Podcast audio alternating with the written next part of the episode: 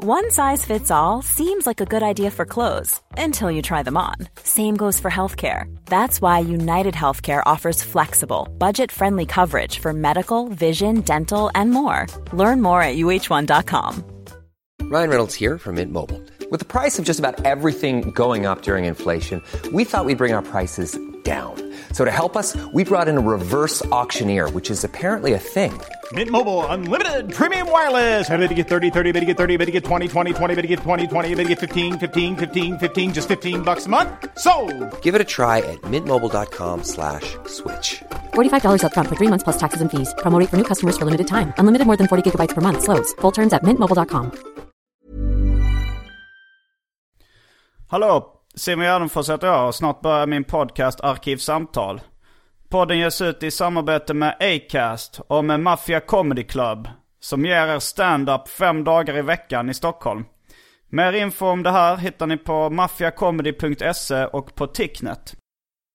Den 17 och 18 april så headlinar jag Mafia Super Weekend i Stockholm. Jag kommer köra en lång stand-up show och dessutom handplocka några av mina favoritkomiker som också kommer uppträda de två kvällarna. Det är alltså två kvällar i rad. Fredag och lördag. Så se till att komma och kolla någon av de kvällarna. Förra gången jag körde så var det helt proppfullt. Så om du vill se så var ute i god tid. Det går redan att köpa biljetter på ticknet.se. Så gå in där och sök på Simon Gärdenfors så hittar ni de biljetterna där. Annars så har jag fler gig i Stockholm, Sunne, Gävle, Lund, Malmö och Norrköping. Gå in på gardenfors.blogspot.com. Där hittar du datum och länkar längst upp på sidan under bilden. Nu kommer Arkivsamtal som klipps av Karl Persson. Mycket nöje.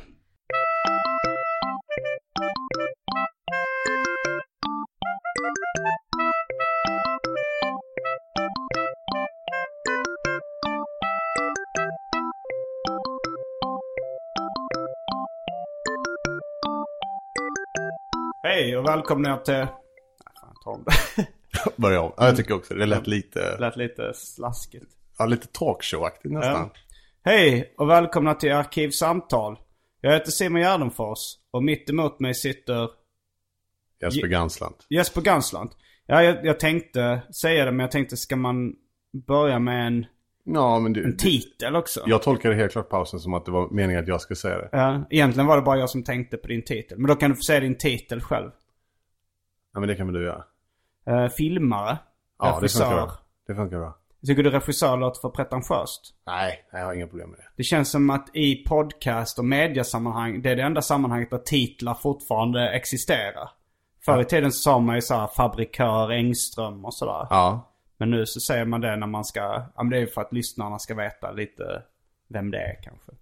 Ja, för att man inte har bild kanske och där man kan då skriva det i text. Ja, så kan det ja det i tv. Om man det, typ det, sitter i morgonsoffan så står det Ja. väl så här Simon Gärdenfors podcastare med mera. Eller någonting. Jag vet inte vad det skulle stå. Men det skulle stå någonting under. Ja, de, man får nog välja själv lite tror jag. ja, ja. Men jag menar bara att titeln borde, finns ju där i text.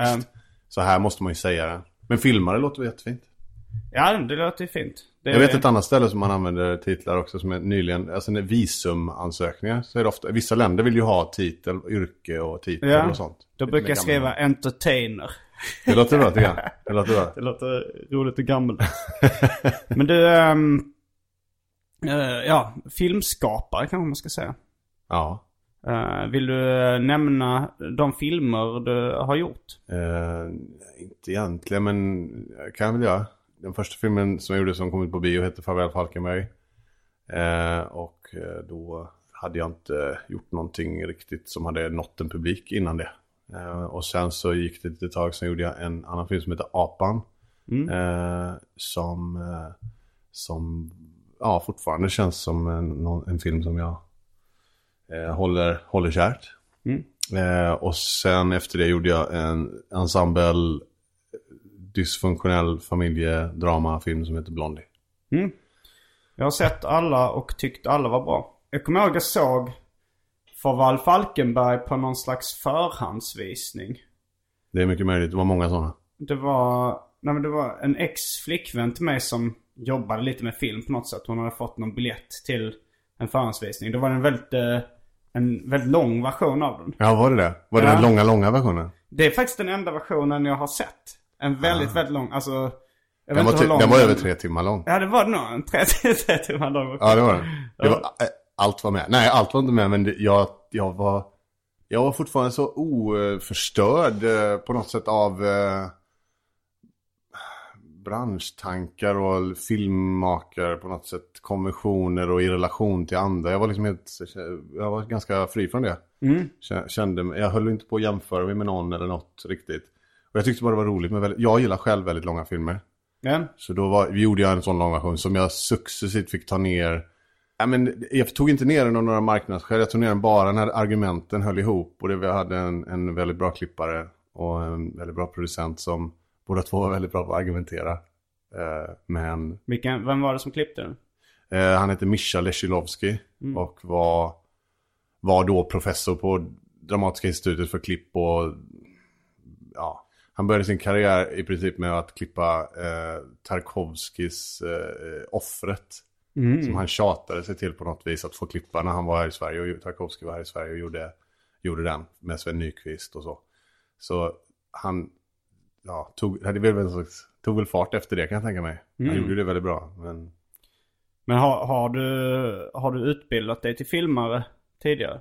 jag har inte gjort det nej. Hur, eh, hur gick du från vanlig kille från Falkenberg till uh, biofilmsregissör? Ja, jag gjorde film redan då i Falkenberg, även om de var eh, av eh, kanske annan kvalitet än vad man är van vid nu. Men eh, vi gjorde mycket så här splatterfilmsförsök och det var så här, kompisar som gjorde det. Eh, Vi är födda samma år, 1978. Det kommer Ja. jag ihåg. Alltså det var på 80-talet, kanske 90-talet. Det kändes som att det var väldigt många i varje kvarter av unga pojkar som gjorde splatterfilmer. Känns som det. Vi var i och för sig så här tjejer och killar, men det var väl en, kanske en övervägande del killar. Och vi gjorde splatterfilmer. Och sen så, jag drog väl mer åt det som hände mellan splattret, tror jag. Eh, även om det var kul så var det nog andra som kände som de var mer drivande i det och tyckte det var bättre på det helt enkelt. Få det att se blodigt ut och... Jag var lite intresserad av det som hände då innan och efter typ. Det här var Det vill säga dramat då. alltså. Ja, kan man väl säga. Eh, så eh, vad hände sen? Nej, men vi, gjorde, vi gjorde det ganska mycket och sen så gick jag, gick jag någon mediautbildning som var så här foto, tv, mm, reklam, lite, lite film. Eh, och efter det, eller någon gång där började jag liksom höja ambitionen, försöka göra längre filmer. Eh, Var ni inspirerade av Bad Taste i början? Ja, gillar det med Brain Dead. Ja. Ja men det kommer jag ihåg, när, vi, när man såg Bad Taste som liten, då kände man också att det ser ut som att man skulle kunna Ja. göra det själv. Man ser lite hur splattergrej-effekterna är gjorda, även om den är underhållande och så. Verkligen. Jag är fortfarande väldigt förtjust i det som ser lite kalkon eller B ut på något sätt. Jag, jag tycker att det är något jävligt lockande med det. Men eh, det kan ju bero på det. Man börjar med det. Jag, jag, alltså, eh, min, min mamma släpper med mig på massa liksom eh, mer artfilm på, på bio. När det fortfarande gick på bio då. Man kunde se det liksom i Falkenberg till och med. Och eh, ja, men, gillar väl, var väldigt passionerad kring film. Bara ville hålla på med det. På ett eller annat sätt. Men, Så det, den där mediautbildningen var väl det, det, det närmaste jag kunde komma då. Var det i Falkenberg också? Nej, det var faktiskt i Halmstad. Det var där, bara där det fanns då, så jag fick flytta dit. Mm. Eh, så jag var ganska bestämd, alltså att jag ville göra det. Jag för mig, jag har ett vagt minne av att det var någon som sa att du har eh, regisserat Fevens video till de tio budorden. Nej, det stämmer inte. Det stämmer inte? Nej, det gör det inte. Däremot har jag gjort eh, INI's video till eh, en låt som han gjorde som heter Hardcore. Aha, hur ser den ut? Ja, hur ser den ut? Den ser nog rätt, den ser nog rätt B ut tror jag. Jag... Var det den, var inte den som var framåt, bakåt, marsch, någonting? Jo, något sånt ja. För den kom... Den, Alltså de, jo, jag det kommer bara jag kommer ihåg, vi gjorde nog flera scener i den där videon. Men det jag kommer ihåg är att vi var, vi hade hängt upp sådana här kammonät och så var det lite som att det var lite Cast Fidel Castro, Raúl Castro och så lite. Att de hade liksom så här bananrepubliks uniformer på sig. Är det den videon där det, ja, det, det är någon slags tal i mitten? Han säger så. Men om allting går bra, vem är det då som vinner på det? Vi! Men Ja. vilka det som tar de stora riskerna? Det är vi! Det kan nog stämma ja. jag, tror, jag tror det är den enda solovideon jag sett med INI. Men det gick Ja. på ZTV. Just det, ja det var alltid ZTV då. Mm. Alltså, det första videon jag gjorde, jag gjorde videos liksom innan jag hade gjort något mer. Innan Farväl Falkenberg. Ja absolut, Mm. gjorde jag det. Eh, jag gjorde, det var så jag kom till Stockholm faktiskt. Mm. Eh, för jag bodde, efter, efter det gått den här, som en mediegymnasiet. Jag tror att prata om gymnasieutbildning så mycket. Men, men, eh, Ja men om det är den enda Ja, utbildningen jag, du har så. ja, men jag, kommer, nej, men jag har faktiskt en annan utbildning också Jaha, på universitet. Men eh, jag återkommer alltid där av någon jävla Ja. anledning. Så blir det som att jag sitter och bara, man är 36 och pratar om sin gymnasieutbildning. Någonting lite av tragiskt över det på något sätt. Men, men jag, jag, jag flyttade till, eh, till Lund sen och läste idéhistoria Mm. ganska länge. Ändå, två år typ. Och under den tiden gjorde jag en del musikvideor till så här, först till så kompisars band i Falkenberg. Och eh, en av dem skickade vi bara till ZTV. Det fanns ju bara en person då. Mm. Som liksom kollade och, Var det Tony Solias? nej han heter Russmark eller Ah. Ville Russmark tror jag. Det, det är det som kommer upp nu, men jag, Mm. jag har ingen aning.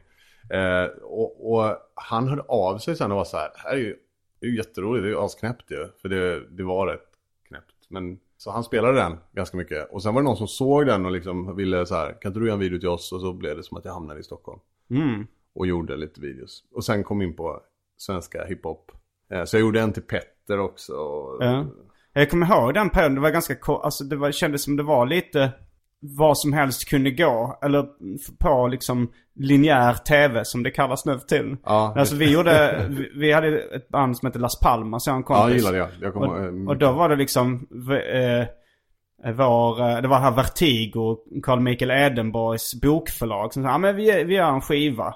Och sen så liksom bad han en praktikant filma en video som han liksom sköt på en dag och regisserade lite. Att det var, det var liksom extremt amatörmässigt. Vi tänkte, är han dum i huvudet? Det här kommer inte visas. Och sen var det så, ja men nu har han hört av sig. Tony Solias från ZTV. De vill att vi ska skicka den på, vad det var nu för, för format man skulle ha. Ett, Ja, eh, ja. ett visst eh, band liksom. Ja, Att ett typ en digibeta kanske. Ja, något sånt. Digibeta. Och det kostade ganska mycket. Ja, det kostar lite. Det än- 700 spänn eller Ja, något sånt.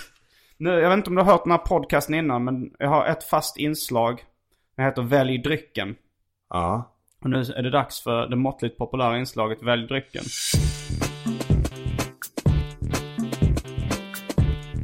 Jag tror vi börjar med det fasta inslaget Välj drycken! Eh, det, du tog med dig någon form av uh, köpmacka hit. Ja, en tonfiskmacka. Mm. Men jag har inte hunnit äta upp den. Ja, du har tagit några tuggor. Det ser då kanske du... Vad sa du? Den bara ligger där liksom. Ligger. Men jag tänkte du kanske eh, vill skölja ner den med någon dryck. ja. Och eh, då har jag de här alternativen. Pepsi Max. Drinken Hawaii Gay Club som består av eh, citronjuice, passoir och Malibu. Mm. Sen finns det vodka och Baileys. Jag räknar upp allt som finns i min kyl just nu. Mm. Det vill säga det går ju att kombinera till drycken, drinken Dräparen. Som Christer Pettersson populariserade genom det här fotot när han blev frikänd. Släppt i alla fall från häktet om du kommer ihåg det. Ja, Dräparen. Um, Är det vodka Baileys? Ja, det är vodka Baileys. Sen har jag Vitamin Well Reload. Det är bara lite kvar i den flaskan. Jag har druckit ur den direkt ur flaskan. Så att det kan finnas spår av mitt saliv i den. Eh, sen har vi Folkölen Elegant Lager 3,5. Mjölk som gick ut den 15 mars. Det vill säga för tre dagar sedan. Du kollade ändå som att du var lite sugen på... Ja, jag måste ändå veta så hur många dagar sedan. Tre dagar inte så Var du, farligt. mjöl- var du sugen på mjölk? Känns Ja, jag, jag ville veta, ja, men jag, jag, väger mina, jag väger mina alternativ här. Och sen för tråkmånsar och nejsägare, vatten. Jag måste välja en nu då. Ja. Kommer jag bli tvungen att dricka den? Det hade ju varit lite originellt om du väljer en dryck sen bara låter den stå framför dig på bordet. Det var lite det jag tänkte, alltså så här, jag, jag, jag vill liksom, vill jag skapa- vill välja Hawaii Gay Club. Ja. Men jag vill definitivt inte dricka den innan jag ska gå och hämta min son på dagis, känner jag. Men däremot kan jag tänka mig, om det ska vara något jag verkligen ska dricka, då kanske det är mjölken ändå. Den tre dagar gamla Ja. utgångna mjölken. Ja. Men det, det var ändå modigt. Jag tycker det också. Det är modigt på båda plan ju. Ja. Kanske. ja men då är vi strax tillbaks med mjölk. Och jag tar eh, den här trefemman ganska mycket för att jag inte orkar diska ett glas. Eh, och eh, lite halvgammal mjölk. Vi ses snart.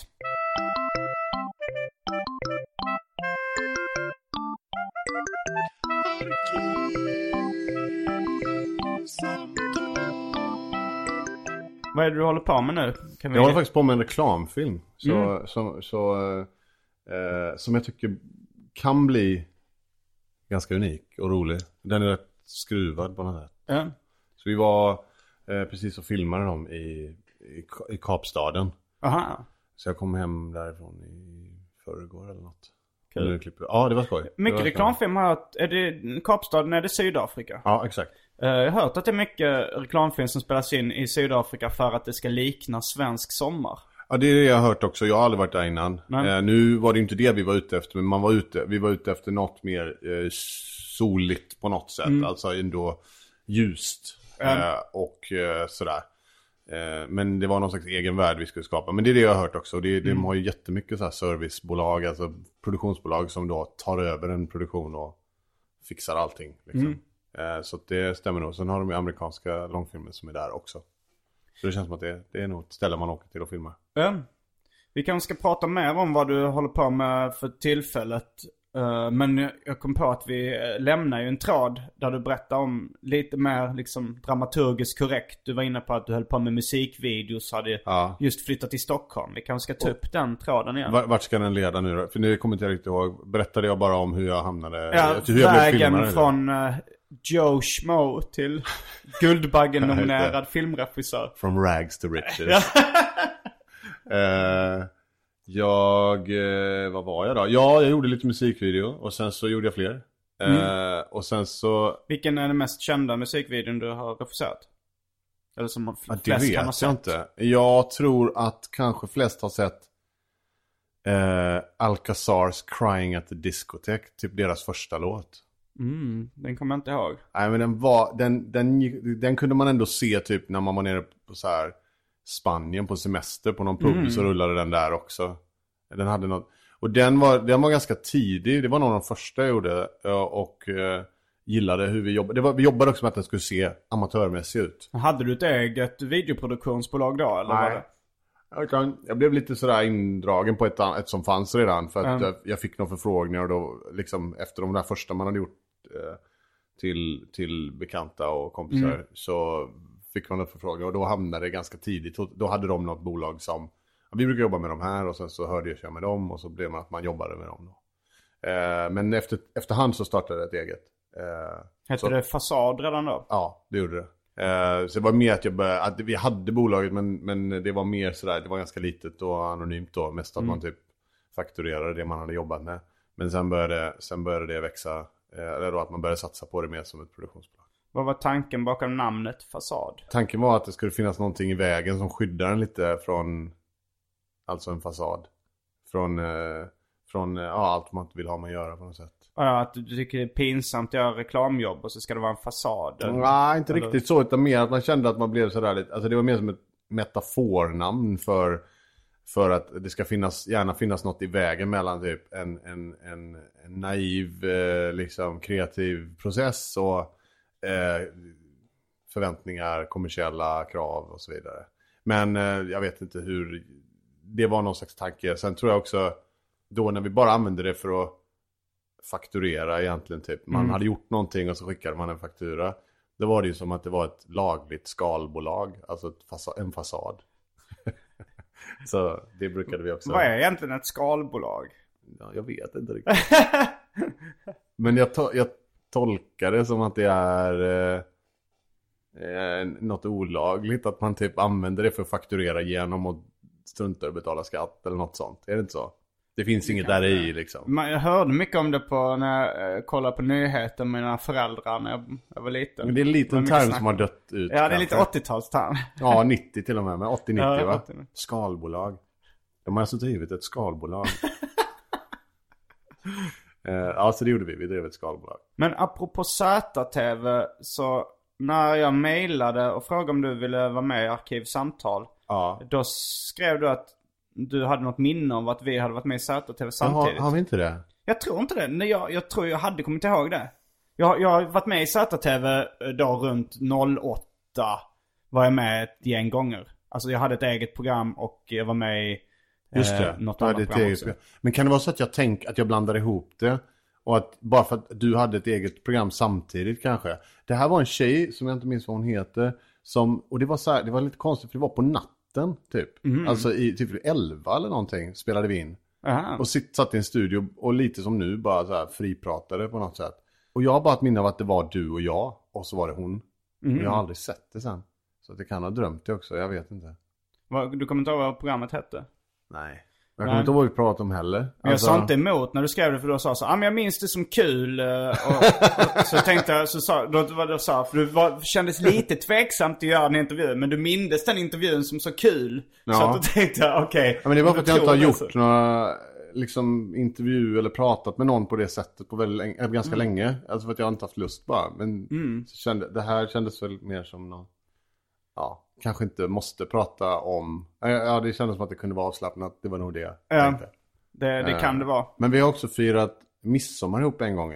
Ja. Jag tänker kanske att det, var, att det är det som är så här. Men om vi har firat midsommar ihop på ett absurt sätt så borde man kunna göra en intervju. Ja, Man får ha sin egen logik. Liksom. det var så. Men eh, det var den här uh, tjejen som jag var tillsammans med, Josefin, som då hade Var tog det med samma mig till... tjej som hade tagit med dig till Ja, det var samma långa- tjej som ja. tog med till eh, den långa filmen. Mm. Eh, vi bara gick, vi, det var midsommarafton och vi kan ju säga att vi bodde tidigare, du och jag bodde tidigare i samma kvarter.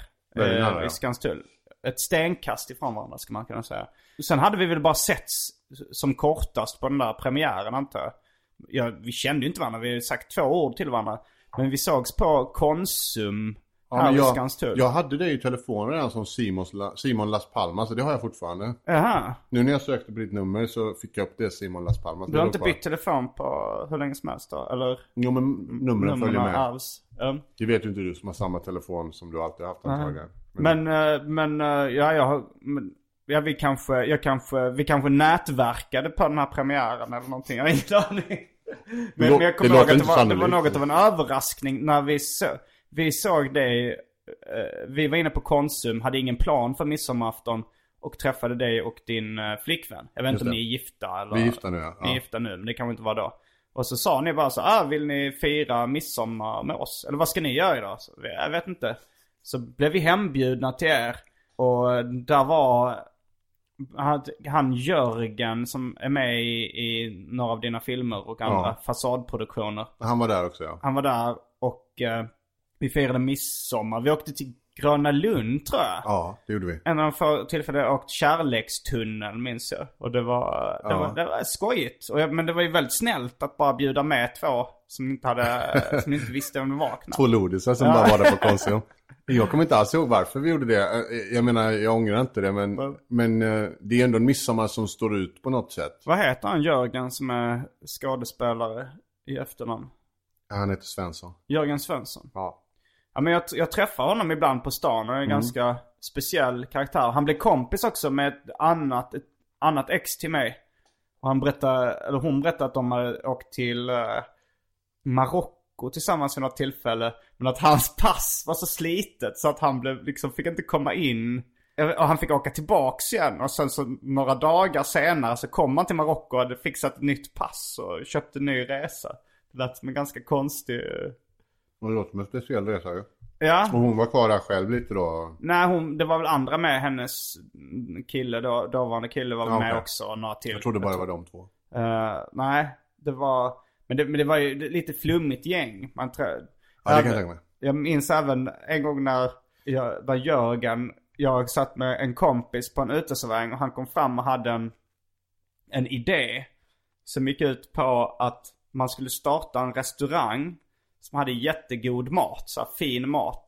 Och sen kommer personalen in och bara dränker maten i brunsås. Ja, det kommer jag ihåg. Den har pratat han ofta med.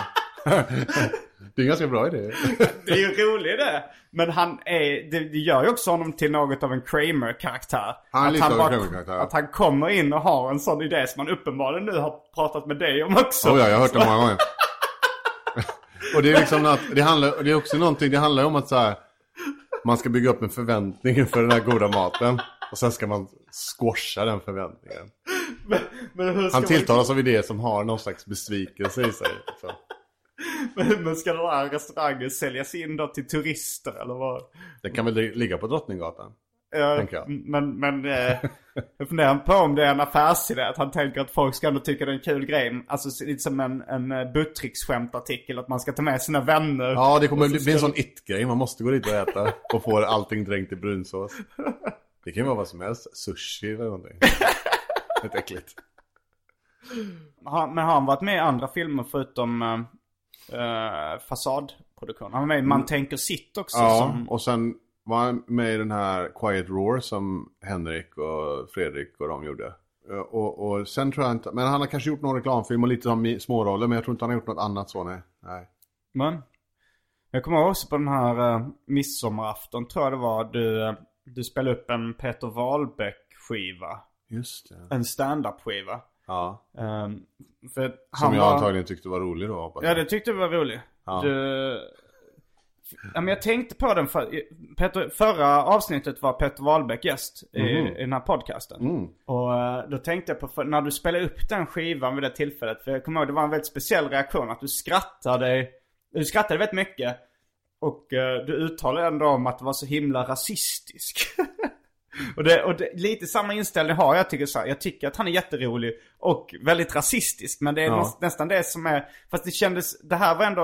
Jag vet inte om jag tycker att han nu, du, vet, jag kan inte svara för vad jag tyckte då. Men Nej. nu, jag tycker inte han är så rasistisk. Jag tycker det, det ska gå att skämta om allt det där och jag tror man får göra det. Eh, Och det är därför det blir roligt också. Men det finns ju, så länge, så länge det finns ett annat perspektiv än bara sparka neråt, om man kan säga så. Mm. För det blir inte så kul.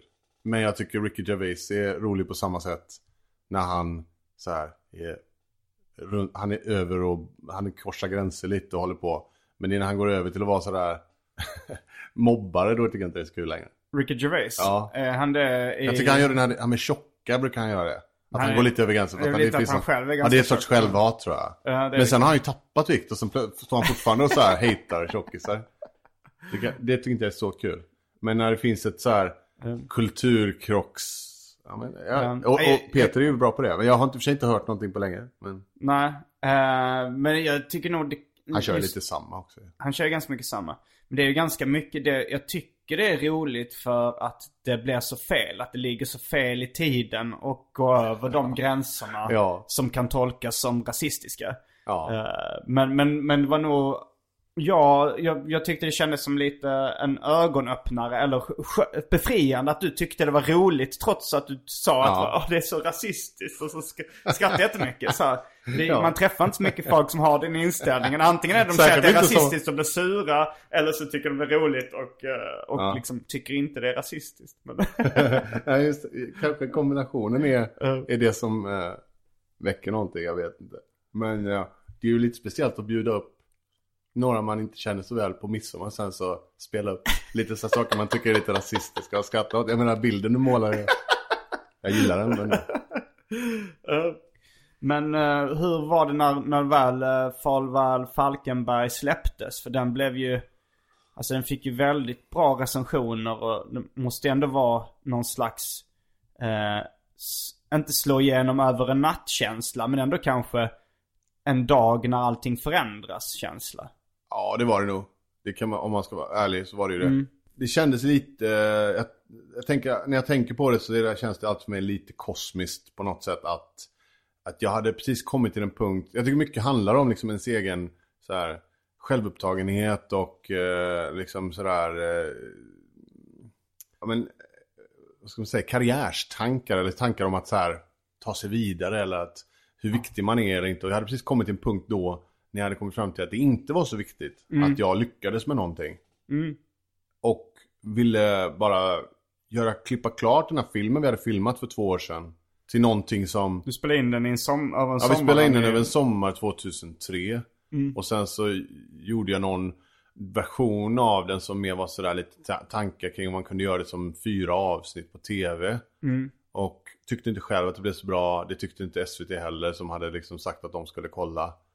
Eh, de hade inte gett några pengar men de, de ville se och så. Och de, de var så här, ja tack men nej tack. Och sen så försökte jag nog göra om det igen och så blev det inte så bra. Och sen slutade alla som hade varit inblandade och bry sig. Och så var det bara jag kvar i, i, i princip. Och sen, sen drömde jag en natt, eller jag vaknade en natt och, så, och bara hade en helt annan idé. Där det var en långfilm och där det var ungefär som den ser ut nu. Alltså det är bara tillstånd och det är små scener och detaljer som man fokuserar på. Eh, som bygger upp mot någonting som vi inte riktigt vet vad det är. Det håller på så länge så att man till slut börjar liksom vänja sig vid det sommartempot så som det kan vara i en så här kuststad. Liksom, När man är i den åldern kanske.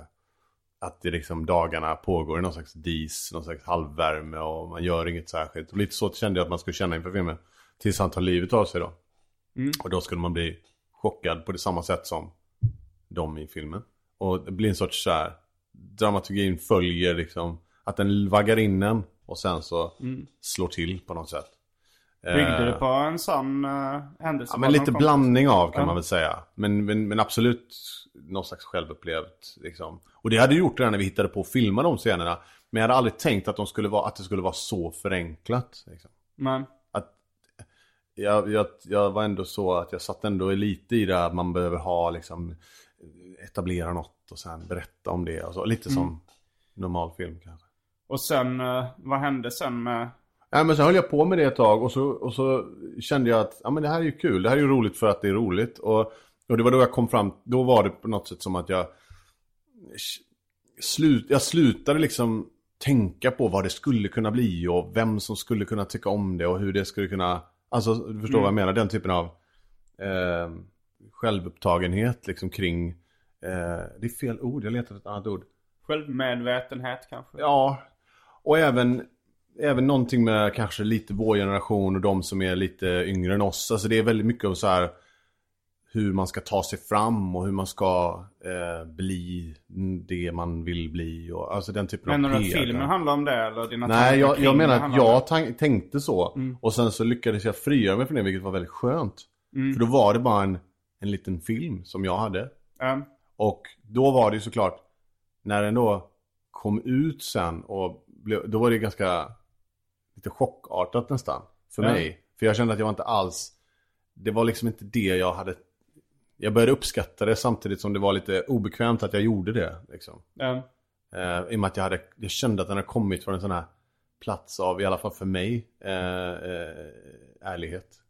Jo, nej men jag förstår eh, känslan. För jag såg, ju, jag såg komplext, också den liksom. innan liksom den oklippta versionen och tyckte... Ja, ja. Man, man ser ju att det är någonting som man, eh, alltså så här, Tekniskt så kan ju liksom vem som helst filma det. Det var ju inga specialeffekter direkt eller att det känns som att någon som har en kamera och, och sen så när liksom väl filmen släpptes. Jag förklarar för lyssnarna som kanske inte var med eller som Nej, kanske det. var för unga då. Men, men det var ändå så här liksom en dag vaknar man så ser man första sidan på DN liksom. Första sidan på DN Kultur. Fredrik Strage skriver liksom om den här filmen och resultatet är bländande och liksom det är mycket superlativer.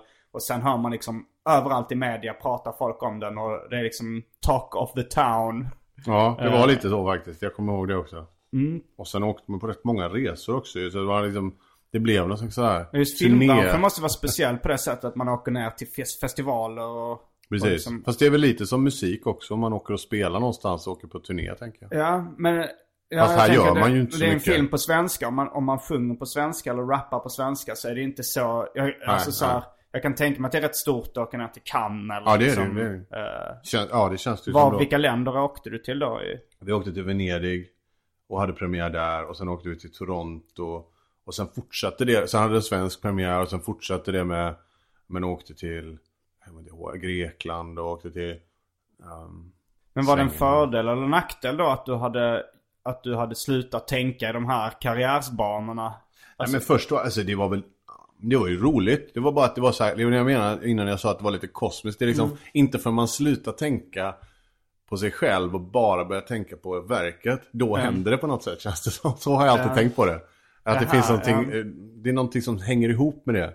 För det var nästan från dag till dag. Alltså att jag så här, ja, det var som att jag till slut hittade in i någon slags rent tillstånd med det där. Att jag inte gjorde det för någonting annat än för verket själv. Liksom. Och då plötsligt så ville alla andra ha det också. Kan man väl säga, eller alla, men många. Jag, jag tyckte det var väldigt roligt och sen så lekte jag med en del och eh, gjorde dumma intervjuer och liksom Dumma intervjuer på Ja vilket men sätt? typ hitta på saker och inte aldrig svara ärligt och liksom sådär. Vad, men- vad ljög du upp för grejer? Jag kommer inte ihåg. Jag bara alltså, hittade på nya saker varje gång. Alltså, det kändes som att, för frågorna var så ofta så, de var ofta så vidöppet liksom. Ja. Du vet det är som att man pratar med så här, att man pratar med liksom en filmskapare. Så här. Och eh, det var ju upplagt för att man skulle liksom tramsa lite det. Jag vet att, eh, vad heter um, Roger Wilson. Ja. Han blev rätt irriterad. Han hade gjort den tredje intervjun och fortfarande fick han bara så här skräp från mig liksom. Så här, det var som att, det var som ett hån mot honom. Det var det ju inte utan jag fick liksom Och du blev som en, en störig kille i ett klassrum som... Ja, lite grann. Som, eh, lite grann. Men det var väl ett sätt att skydda sig också från att så här, ja, vissa saker hade jag inga svar på och liksom eh, nu kanske jag hade kunnat formulera mig på ett annat sätt. Eh, men det var, det var ju mycket som var nytt för mig också i det här hur reaktionen från, det var ju fantastiskt att se reaktioner från folk. Men att sen analysera den och analysera mina egna avsikter med det kändes svårt. ja. Plus att man också var vaksam inför att det kändes som att, ja, det fanns ju det där som du beskrev, en sorts uppmärksamhet och eh, ja, men första sidor och alla pratar om det då. Men sen fanns det också efter det när, folk kom och ville prata med mig så ville de ändå så här ta ner det lite grann. Du? De ville liksom vara så här, ja men ni bara filmade lite vad som helst eller? Eller liksom, att det inte fanns någon avsikt med något. Ja. Så då på något sätt så tror jag att jag skyddade mig lite mot det genom att sådär eh, svara på andra saker eller eh, hitta på saker Ja. som inte stämde. When you're ready to pop the question, the last thing you want to do is second guess the ring. At Bluenile.com, you can design a one of a kind ring with the ease and convenience of shopping online. Choose your diamond and setting. When you find the one, you'll get it delivered right to your door. Go to Bluenile.com and use promo code LISTEN to get $50 off your purchase of $500 or more. That's code LISTEN at Bluenile.com for $50 off your purchase. Bluenile.com code LISTEN. Life is full of awesome what ifs, and some not so much, like unexpected medical costs. That's why United Healthcare provides Health Protector Guard fixed indemnity insurance plans to supplement your primary plan and help manage out of pocket costs. Learn more at uh1.com. Wow! Nice. Yeah! What you're hearing are the sounds of people everywhere putting on Bombas socks, underwear, and t-shirts made from absurdly soft materials that feel like plush clouds. Yeah, that plush. And the best part? For every item you purchase, Bombas donates another to someone facing homelessness. Bombas. Big comfort for everyone. Go to bombas.com slash ACAST and use code ACAST for 20% off your first purchase. That's bombas.com slash ACAST. Code ACAST. Och den, den här filmen, jag har försökt väldigt många gånger att se filmen, eh, filmen som ingen pratar, filmen jag inte pratar om Ja, längre. förlåt, jag glömde den. Jag ska se till att du får den. Ja. Den- Den finns inte liksom, på, den finns inte distribuerad, det är därför. Okej. Den, aha, den, men den finns på, den finns inte på DVD eller så? Jo. Men inte att köpa Men inte hos någon återförsäljare. Ah, Okej, hur kommer det sig? Jag var upptagen med, alltså jag gjorde både apan och den samtidigt. Ah, okej. Så jag hade inte riktigt tid att, att lägga ner den liksom, kärleken man ändå måste göra för att liksom, så här, jobba med en distributör. Och, Så att det blev aldrig att vi hittade någon riktigt. Men- Men den gick ju på SVT. Har du någon koll på hur många som, har- hur stor spridning dina filmer har fått? Alltså många, ungefär något hum om hur många som har sett de olika filmerna? Nej, inte riktigt faktiskt. Men jag, jag brukar höra att Falkenberg hade setts av eh, 55 000 eller något på bio. Men sen vet man ju inte. Eh, och de andra har jag inte riktigt koll på faktiskt. Jag 55 vet. 000 på bio är mycket. Då sen Ja, jag måste ju DVD, mycket. jag vet inte om DVD är ännu mer eller liksom. Ja, men det, är väl det. Det är antingen anledningen till att man aldrig hör om det för att man aldrig ser några pengar från det. Så, Okej. då, men det kan, det kan ju vara mycket lite, det vet jag inte. Men, och din senaste film kom 2012. Ja. Blondie. Ja, det gjorde. Ja. Det, har, du någon, har du någon ny film på gång? Någon svensk långfilm eller uh, vad? Ja, det har ju- jag. Men jag har jobbat på lite olika spår och också behövt tänka om lite tror jag. Jag vill inte göra film på samma sätt. eh, Jag har inte gjort film på samma sätt, jag vet inte hur jag ska förklara det. Men för mig kändes det som att eh, Blondie tycker jag också är experimentell, även om inte den ser ut så. Så för mig var det väldigt experimentellt att hålla på med den. Eh, Och experimentera med ja, men, skådespelare på det sättet. När jag alltid haft lite problem med skådespeleri och jag litar inte riktigt på skådespelare och sånt. Så att ta in så många med olika skolor på något sätt, olika sätt att skådespela och kombinera dem i något ensemble, något ganska klassiskt och traditionellt och så. Ehm, jobba med nytt folk och det var massa grejer som jag experimenterade med men resultatet ser kanske ganska konventionellt ut liksom. Det är nog den som jag minns minst av Blondie. Jag kommer ihåg att jag såg den och att jag gillade den. Men jag kommer inte ihåg vad den handlar om. Nej men det tycker inte jag är så dumt, det kan vara lite bra. Man har upplevt något men man kommer inte ihåg det riktigt. vad, vad, vad handlar den om? Det handlar om en mamma och hennes tre döttrar som alla är lite sladdisar på något sätt. De är fem år emellan. Och de, sam- de, kommer, de samlas i någon slags herrgård eh, hemma hos mamma där hon bor själv. Med sina hundar. För att fira hennes 70-årsdag. Och sen är de med varandra och viss typ av drama utspelar sig och sen så åker de igen. Men den är ju för mig en sorts sådär, Den är ju inte menad att vara liksom någon slags realism. Eller så. Den är menad som att vara en sorts Men då är det ju inte så tydligt, alltså så om man, om man jämför med apan, om vi ska förklara för lyssnaren vad den eller, eh, handlar om så är det en man som vaknar upp och det verkar som att han har dödat sin familj och han vet inte riktigt varför. Ja, ungefär så. Men han lite- vaknar upp blodig på en toalett och sen så följer man honom under en dag när han försöker komma till terms med vad han har gjort eller inte gjort. Eh, Men har han minnesförlust då eller? Är det att han... Nej, det är bara att jag tycker att man själv ska avgöra om man har gjort det eller inte. Mm. Eh, eh, jag tycker inte det är det viktiga. Jag tycker det är viktiga om huruvida man kan ta del av hans eh, ångest. Liksom. Man kan ta del av det han, rent nästan fysiskt känna vad han känner. Eh, Eh, som att vakna upp en minneslucka typ. Viss, viss minneslucka tror jag han har. Men den börjar nog komma tillbaka till honom under dagen.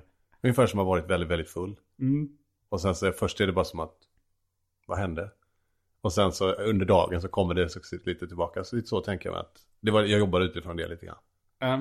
Har du haft svårt att finansiera den här filmen någon gång eller har det alltid varit smooth sailing?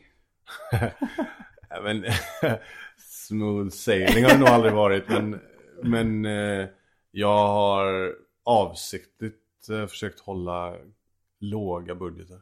För att jag tycker att man får mycket mer spelrum då. Det är aldrig så att du har haft en idé till en film. Det här vill jag göra. Nu ska jag bara försöka få en budget till det. Eh, Det, jo, det hände ju det med. Alltså, Blondie var väl lite högre budget kanske än vad, eh, ja, men än vad jag egentligen ville. Men det var ju tvunget för att den såg ut att vara som den var. Liksom. Men, eller vad, vad menar du förresten? Nej men jag tänkte, jag tror det är ganska vanligt för eh, filmskapare att de har ett manus Ja. eh, och de vill göra en film. Ja. Men sen så finns det är svårt att få tag på pengarna för att göra det. Jag brukar ofta sätta igång. Eh, och det är bra och dåligt. Men jag, det har, som, i min erfarenhet så har jag gjort det varje gång nästan. Men mm. Falkenberg filmade vi ju helt utan pengar. I princip, vi hade lite men det var väldigt lite. Och Apan började jag filma ett par scener och gick och visade det. Och då var det lättare att få igenom det. Samtidigt som jag också hade tänkt mig en, en ganska låg budget för att Mm. göra det. Så det skulle inte behöva svida så mycket för samproducenter och finansiärer. Men jag tror det är nog ett bra tips. Alltså för... Ja, Jag tycker det. Jag tycker det känns som att det är superviktigt att ta, ta kommando själv och inte vänta på att någon annan ska. Ja. Det kommer, det, ingen kommer någonsin komma och liksom säga Åh, du är ju nästa talang liksom. Nej. Man måste ju göra det. liksom. Jag lyssnade på den här WTF-intervjun med Louis CK. Som blev Ja. framröstad som det bästa podcastavsnittet i världshistorien. Eh, men då så det. snackade han om det, för han har gjort lite filmer också. Och han har en egen tv-serie just Ja. nu. Men han pratade om det att det som, en av de sakerna han hade, som hade inspirerat honom mest, det var att se någon dokumentär eller läsa någon biografi om Francis Ford Coppola. Som då hade gjort eh, Apocalypse Now som var hans favoritfilm. Men att han att den var väl liksom svår att finansiera men att han hade bara sagt men jag sätter igång och gör den. Jag skiter i att jag inte har pengar. Han bara sätter igång och börjar filma och ser vad som händer. Och, och att han sa att det var det som lite inspirerade till honom till allt han har gjort sen. Att man bara sätter igång med Ja. det och börjar och inte... För jag har ju haft kompisar också som vill jobba med film men som just säger det här. Nej men jag har inte pengarna. Så här, Jag är alltid lite skeptisk när jag Ja. hör det. Jag är så här, ja men... Då, för i min värld, då vill... Då, Okej, vissa saker kanske är skitsvårt att göra om man ska göra typ något slags historiskt. Men jag tror ändå man kan börja. Jag tror ändå Ja. man kan typ så här sätta igång och liksom... Det finns otroligt smarta sätt att bara så här... Starta det tåget som är en film. Och sen så finns det en möjlighet för folk att stiga på. Snarare än att jag vill ha hjälp med att få igång det. Vilket det då blir ju. Sen så är det såklart, det är liksom... Eh, jag vill inte racka på någon som står i den situationen nu. Jag förstår det också. Och jag har varit där själv, jag kommer säkert vara det igen. Men, men jag, ja, det, det, det tål att säga så många gånger att så här, börja göra och bara börja förverkliga något av det för, att för, för, för, för en själv alltså. Jag sa någon, någon också för uh, något år sedan. Det stod i tidningen att du skulle, eh, att du skulle börja jobba med en Hollywood-produktion. Ja. Just det. Får jag gå och hämta en grej? Ja.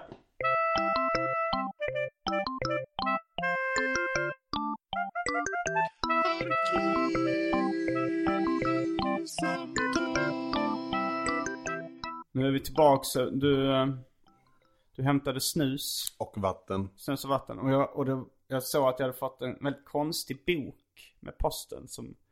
ja, Jag vet inte vad det var. Någon form av självhjälpsbok. Någonting som skulle, om man var sömnlös eller svartsjuk eller mådde dåligt. Det kändes lite som att du hade fått, men du visste inte vem den kom ifrån heller riktigt. Det är kanske någon som jag har träffat någon gång. Men du har inget minne. Nej. Det har jag inte. För då är det lätt att man känner sig lite utpekad när det kommer en sån. Så här ska du göra för att bli lycklig. Mm, vad var vad, Vi skulle just börja prata. Du, jo, på, det var i över uh, nyheterna. Säger man kanske inte på svenska. Jag såg i, Jag i Metro eller vad det var, någon nyhetstidning, så var det en bild på dig. Och så stod det så här, nu ska Jesper Ganslant uh, regissera en film i Hollywood. Kommentarer på det? Kommentarer på det. Jag eh, började prata med några där. Eh, Och eh, var, tyckte det var underhållande. Typ. Eh, och sen åkte dit och så. Men sen eh, gick det inte vidare med det i alla fall. Den gången. Okej.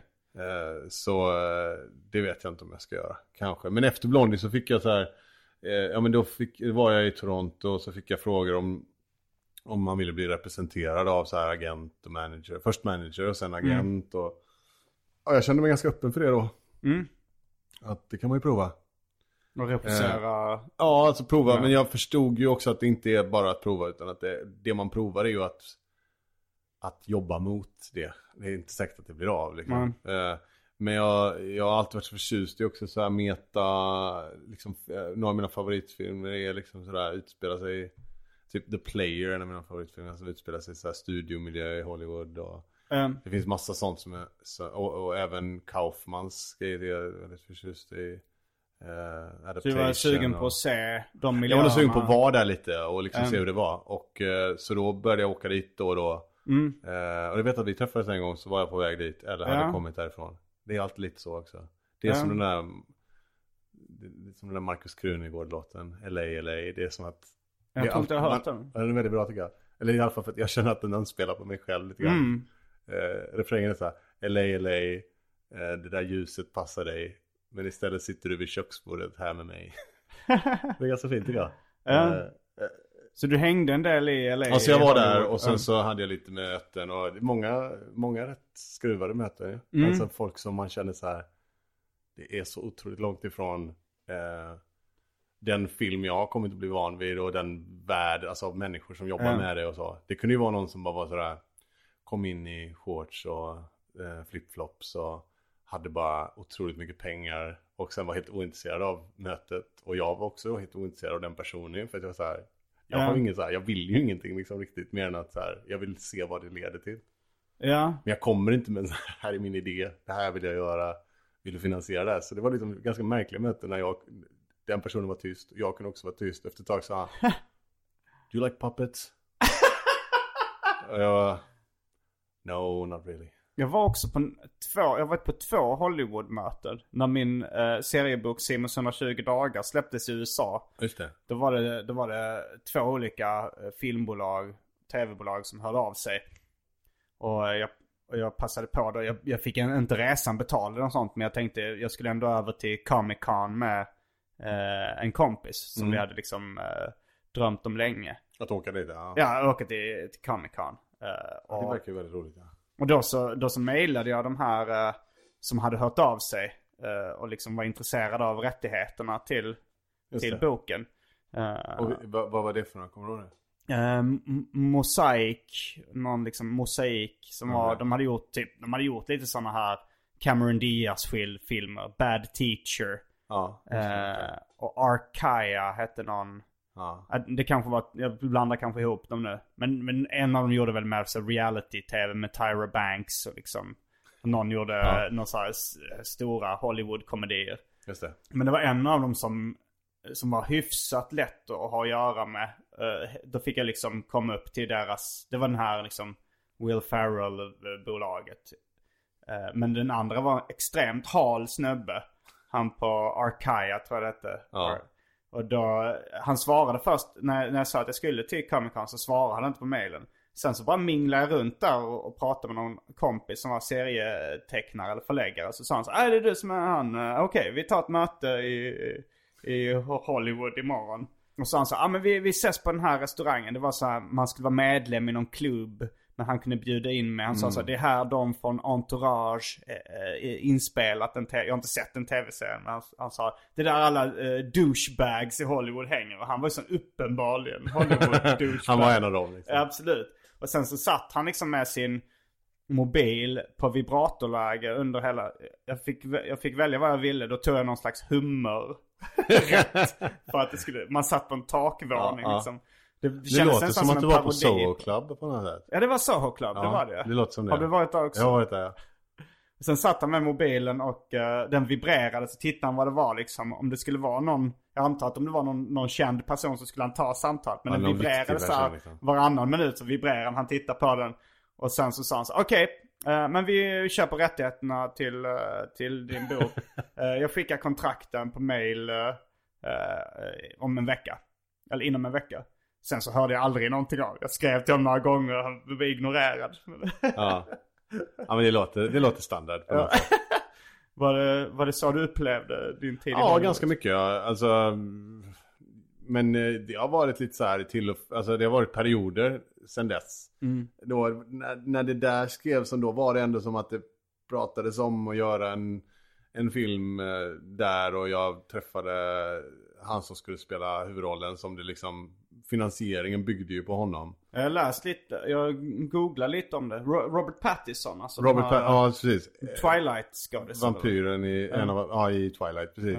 Och, och det var mer att han skulle göra så här tung, tyngre Det skådespelarfilm skulle handla liksom. någonting om Saddam Hussein. Läste Ja, det är en sann historia om, om en, om en så här förhörs, alltså interrogator som det heter, alltså army interrogator. Förhörsledare. S- Förhörsledare, precis som, som eh, förhörde, eh, han gick liksom sin egen väg lite grann och lämnade lite så En amerikan, Ja, precis. Det var ingen som brydde sig riktigt för det var så många där och han var någonstans i Tikrit som där, där hände ingenting. Det var Saddams gamla hembygd så där hade de redan varit och, och bankat på alla dörrar och, eller sparkat in alla dörrar och förhört alla. Så han var där och förhörde och förhörde och började liksom hit, kom upp med en egen tes om vilka det var som egentligen var så här insurgency, alltså de som bedrev gerillakrig mot armén trots att Saddam eh, var inte hittad men man trodde ju inte att man skulle hitta honom. Men, Eh, så den här förhörsledaren, och han liksom blev lite så här att han eh, Ja men det blev en sorts besatthet och så. Eh, han, han, och han försökte övertyga de här specialförbanden som han var låg med, eller låg med fel ord kanske, men att han förlagde med, att han delade base med dem liksom. Att de skulle följa hans spår. Och Mm. till slut gjorde de det och ja men så, så, så, så, mycket saker hände. Och sen hittade de Saddam i det där hålet och det var tack vare honom. mm. Eh, och han fick inte Först fick han inte erkännande för det utan det var hemligt i några år. Och sen så fick han till slut då officiellt sådär. Fick någon medalj och sådär. Eh, och eh, jag tyckte det var en bra historia. Framförallt gillar jag sanna historier på något sätt. Eh, alltid tilltalad av det. Alltså liksom något biografiskt eller dokumentär. Ehm, Och eh, tyckte att det var roligt att eh, Robert skulle göra det. Mm. Då. För han var redan knuten till det när jag kom in. Och de letade väl efter någon så här Har vi någon liksom film, kan vi hitta någon sån här filmmakare som är liksom lite mer europeisk och har en, liksom en röst på något sätt som kan, som, som Robert kan bli intresserad av. Eh, men som är billig också. Så hittade Ja. de mig då. Eh, och jag var runt där på lite möten och träffade. Men hade du skrivit på något kontrakt Nej, eller? nej jag inte. Tyckte du det kändes jobbigt när det, när det kom ut i svensk media? När, eh, jag Jag, tror har, det, har faktiskt aldrig pratat med någon om det för nu eh, på det här sättet. Nej. Eh, men ehm, ja, lite jobbigt tyckte jag det var. Jag jag tror det kan ha varit Hanna Fahl som är en återkommande gäst i den här podcasten som, som såg det på Twitter någonstans. Ja, för hon jagade faktiskt mig då, det kommer jag ihåg. Mm. Eh, lite grann, hon försökte ringa och så. Men jag, jag visste inte vad jag skulle säga om det, för det känns som... Det är så jävla löst, men det är bara... ab- Absolut största chans kommer det inte bli något ju. Mm. Det vet jag ju liksom. Så det var mer, det var underhållande för mig. Mm. Eh, till en punkt. Sen var det inte det längre. Då började jag lite backa ifrån det. Och någonstans då så... För att jag tror också jag började inse att han kommer inte ha tid. Och det här är liksom en roll som han borde lägga rätt mycket tid på. Han måste liksom ut och träna och... Alltså va, ligga i sånt bootcamp och grejer. Ja. Och jag... Ja. Jag tror, inte han var, jag tror inte han var helt dedikerad till det. Så att... Men ungefär då kom det ut och i, liksom, eller hon läste det. Någon, för de gjorde någon... De gjorde någon pressrelease i, i, i, i Hollywood om det. För det är bra för alla. Liksom. Alla vill ju göra ja. det. Alltså, så skriver Variety om det. Och, Okej. och sen så får filmen lite momentum. Och jag får liksom lite cred och vad det nu är. Det är så de tänker. Mm. Så kan man bygga det vidare typ. Eh, men ehm, ja. Nej men det var, väl, det var väl intressant. Det hade varit intressant om det blev av också. ja, absolut. Då hade jag, då hade jag gjort det. Men det var ett mantra jag märkte att de upprepade i den här branschen i, i Hollywood. Alltså varje gång jag sa till andra serietecknare eller liksom folk i, i, eh, som hängde där Ja. i LA. Om, ja ah, men fan, det, då nu har jag blivit kontaktad av ett filmbolag. och sen så sa han, don't get your hopes up until the camera starts rolling. Ja, det, var det så, är eh, det var liksom Det är grundregeln. ett mantra, ja, jag vet. Man blir lite uttråkad på det också, men det stämmer ju på ett sätt. Mm. Men jag tycker det är lite intressant att återkoppla till så här, att gå ut och göra det själv. Jo, det det här är ju motsatsen. Det är det. Det är ju liksom, det är så långt åt andra hållet man kan gå. Mm. Eh, och... Eh, Men det verkar vara lite nu känner jag mig så. lite färdig med det. Nu har jag testat det. Du, är färd, du vill inte tillbaks till LA och... Nej, alltså. Det, det är om någonting, det, det, det är mer som att jag lite känner det nu. Och sådär. Det är inte så mycket av en upptäcktsresa längre. Eh, det är klart jag inte känner alla, men jag känner själva den, att Mm. vara svensk och komma dit. Tror jag att jag känner Mm. att jag, det, har jag, det har jag koll på lite. Så att är det något intressant eller något jag har någonting så kanske jag har lite folk jag kan gå till då. Mm. Men, eh, men jag tror inte jag söker det så aktivt. Nej. Nej. Jag är mer sugen på att göra en svensk film. Och jag tror att jag också... Och du har en svensk film. Ja, men jag tror jag har mer i- i utma- det. Jag tror jag har utmaningar, som vi var inne på innan där med finansiering och sånt. Jag tror jag har utmaningar eh, på ett annat sätt nu än vad jag hade förr. Liksom. För att det tagit ett tag sedan du hade... Ingen aning, jag bara, det är min känsla helt klart. Ja men det är också, det ser annorlunda ut liksom och... ehm, jag, jag tror bara att i, man måste jobba igenom det på ett... Man måste vara mer färdig tror jag innan man...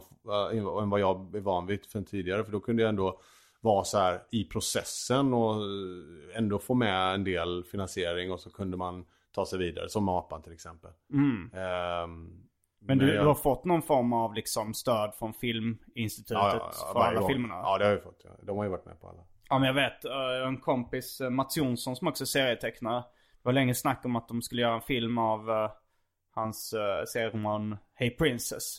Just det. Och det var ju liksom... Det det kändes vet som jag att... några som varit inblandade i faktiskt. Du vet folk som varit inblandade? Ja, det har jag hört den här nämnas. Jag Ja, vet det inte var om det ganska helt- nära tror jag. Jag tror det var svinnära två, Ja. tre gånger. Och att det var... Att det Maria liksom, Blom skulle göra. Ja. Eh, och sen... Ja. Och det, det måste ju kännas extremt frustrerande att ha en sån stor grej på gång som Ja, bara det är klart. dör. Ja. Men, men då kanske det inte fanns någon eh, som, som kunde göra allting som... Alltså, jag vet inte om Mats Jonsson skulle kunna liksom bara börja filma själv. Liksom. Han Nej, men han kan ju göra ett seriealbum till Ja. antagligen. Jo, men det är ju när man börjar stå och vänta på någon har sagt och du vet, man, man är inbjuden i någon slags process. Och Mm. Det är ju en, det är ju en frustration i det och en besvikelse i det när det inte För det är som Mm. att man investerar ändå av sig själv när man väl säger okej men nu, nu, nu, är det, nu, nu är valet här. Ska jag bara skita i det, de får göra vad de vill. Mm. Eller ska jag vara i det och bry mig om vad som händer och faktiskt vara med och göra Mm. det. Nej, då, filmatiseringen. Då är det ju då är det klart jobbigt när det inte blir av. Jag menar, det, det, det skulle jag ljuga och säga om jag så här framställer mig själv som att det inte var, att jag inte hade, jag menar det är klart att jag, jag tänkte hela tiden på att jag ville se vad, vad allt det här ledde när jag var där och när det var, när vi, när vi pratade om att göra den här Hollywood, Irakfilmen. eh, Ja. Eh, och det är klart att det visst, när, när jag väl fick höra att han inte hade tid och de liksom inte lyckades hitta någon ersättare, då var jag inte så besviken. Men innan det hade jag varit så här, fan jag satsade så mycket tid på det här och kändes, som, en, kändes som en dum idé då.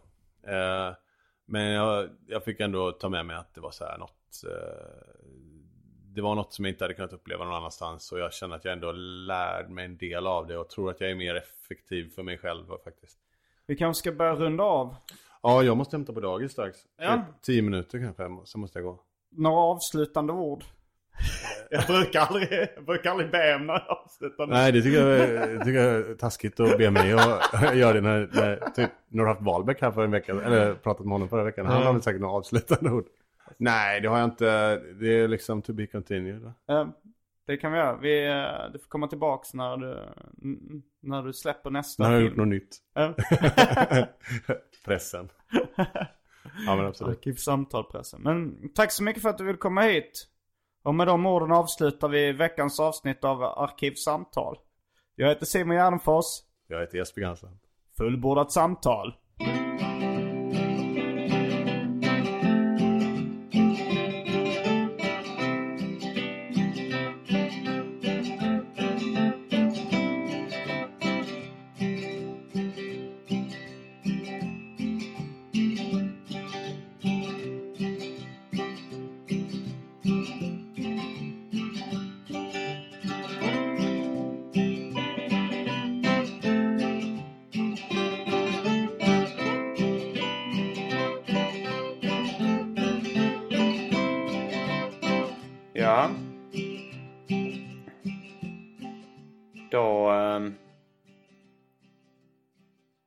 Arkivsamtal slut på den här, för den här veckan.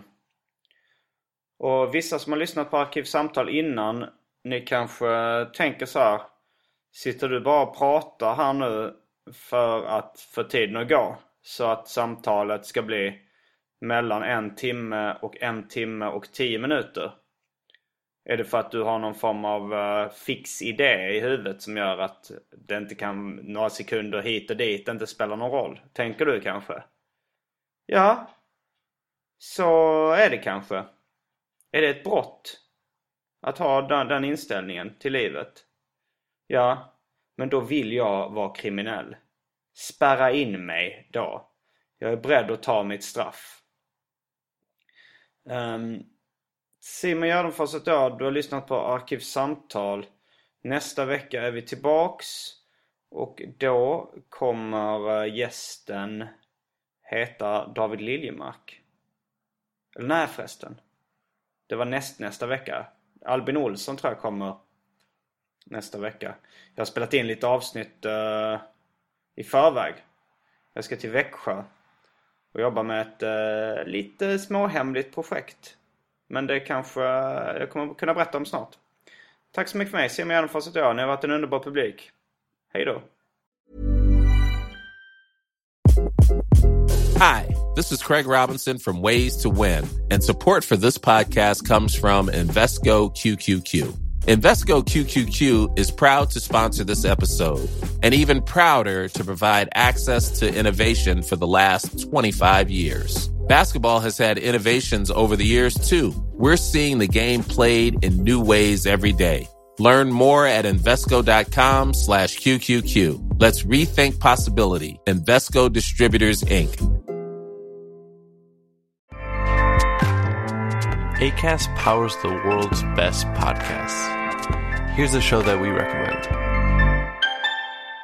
The Real Housewives is a guilty pleasure for most, but if you're looking to not feel guilty about that pleasure, tune in to Everything Iconic with me, Danny Pellegrino, where I break down all the messy moments and behind the scenes antics of Bravo's popular franchise. And on Everything Iconic, I also interview celebrity guests like Kelly Ripa, Kiki Palmer, Drew Barrymore, Cameron Diaz, and more about their guilty pleasures, their past work, and so much more. So if you're pop culture obsessed and find yourself watching way too much reality TV like me, tune in to Everything Iconic with Danny Pellegrino wherever you listen to podcasts.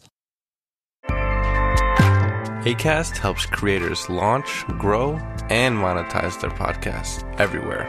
ACAST.com.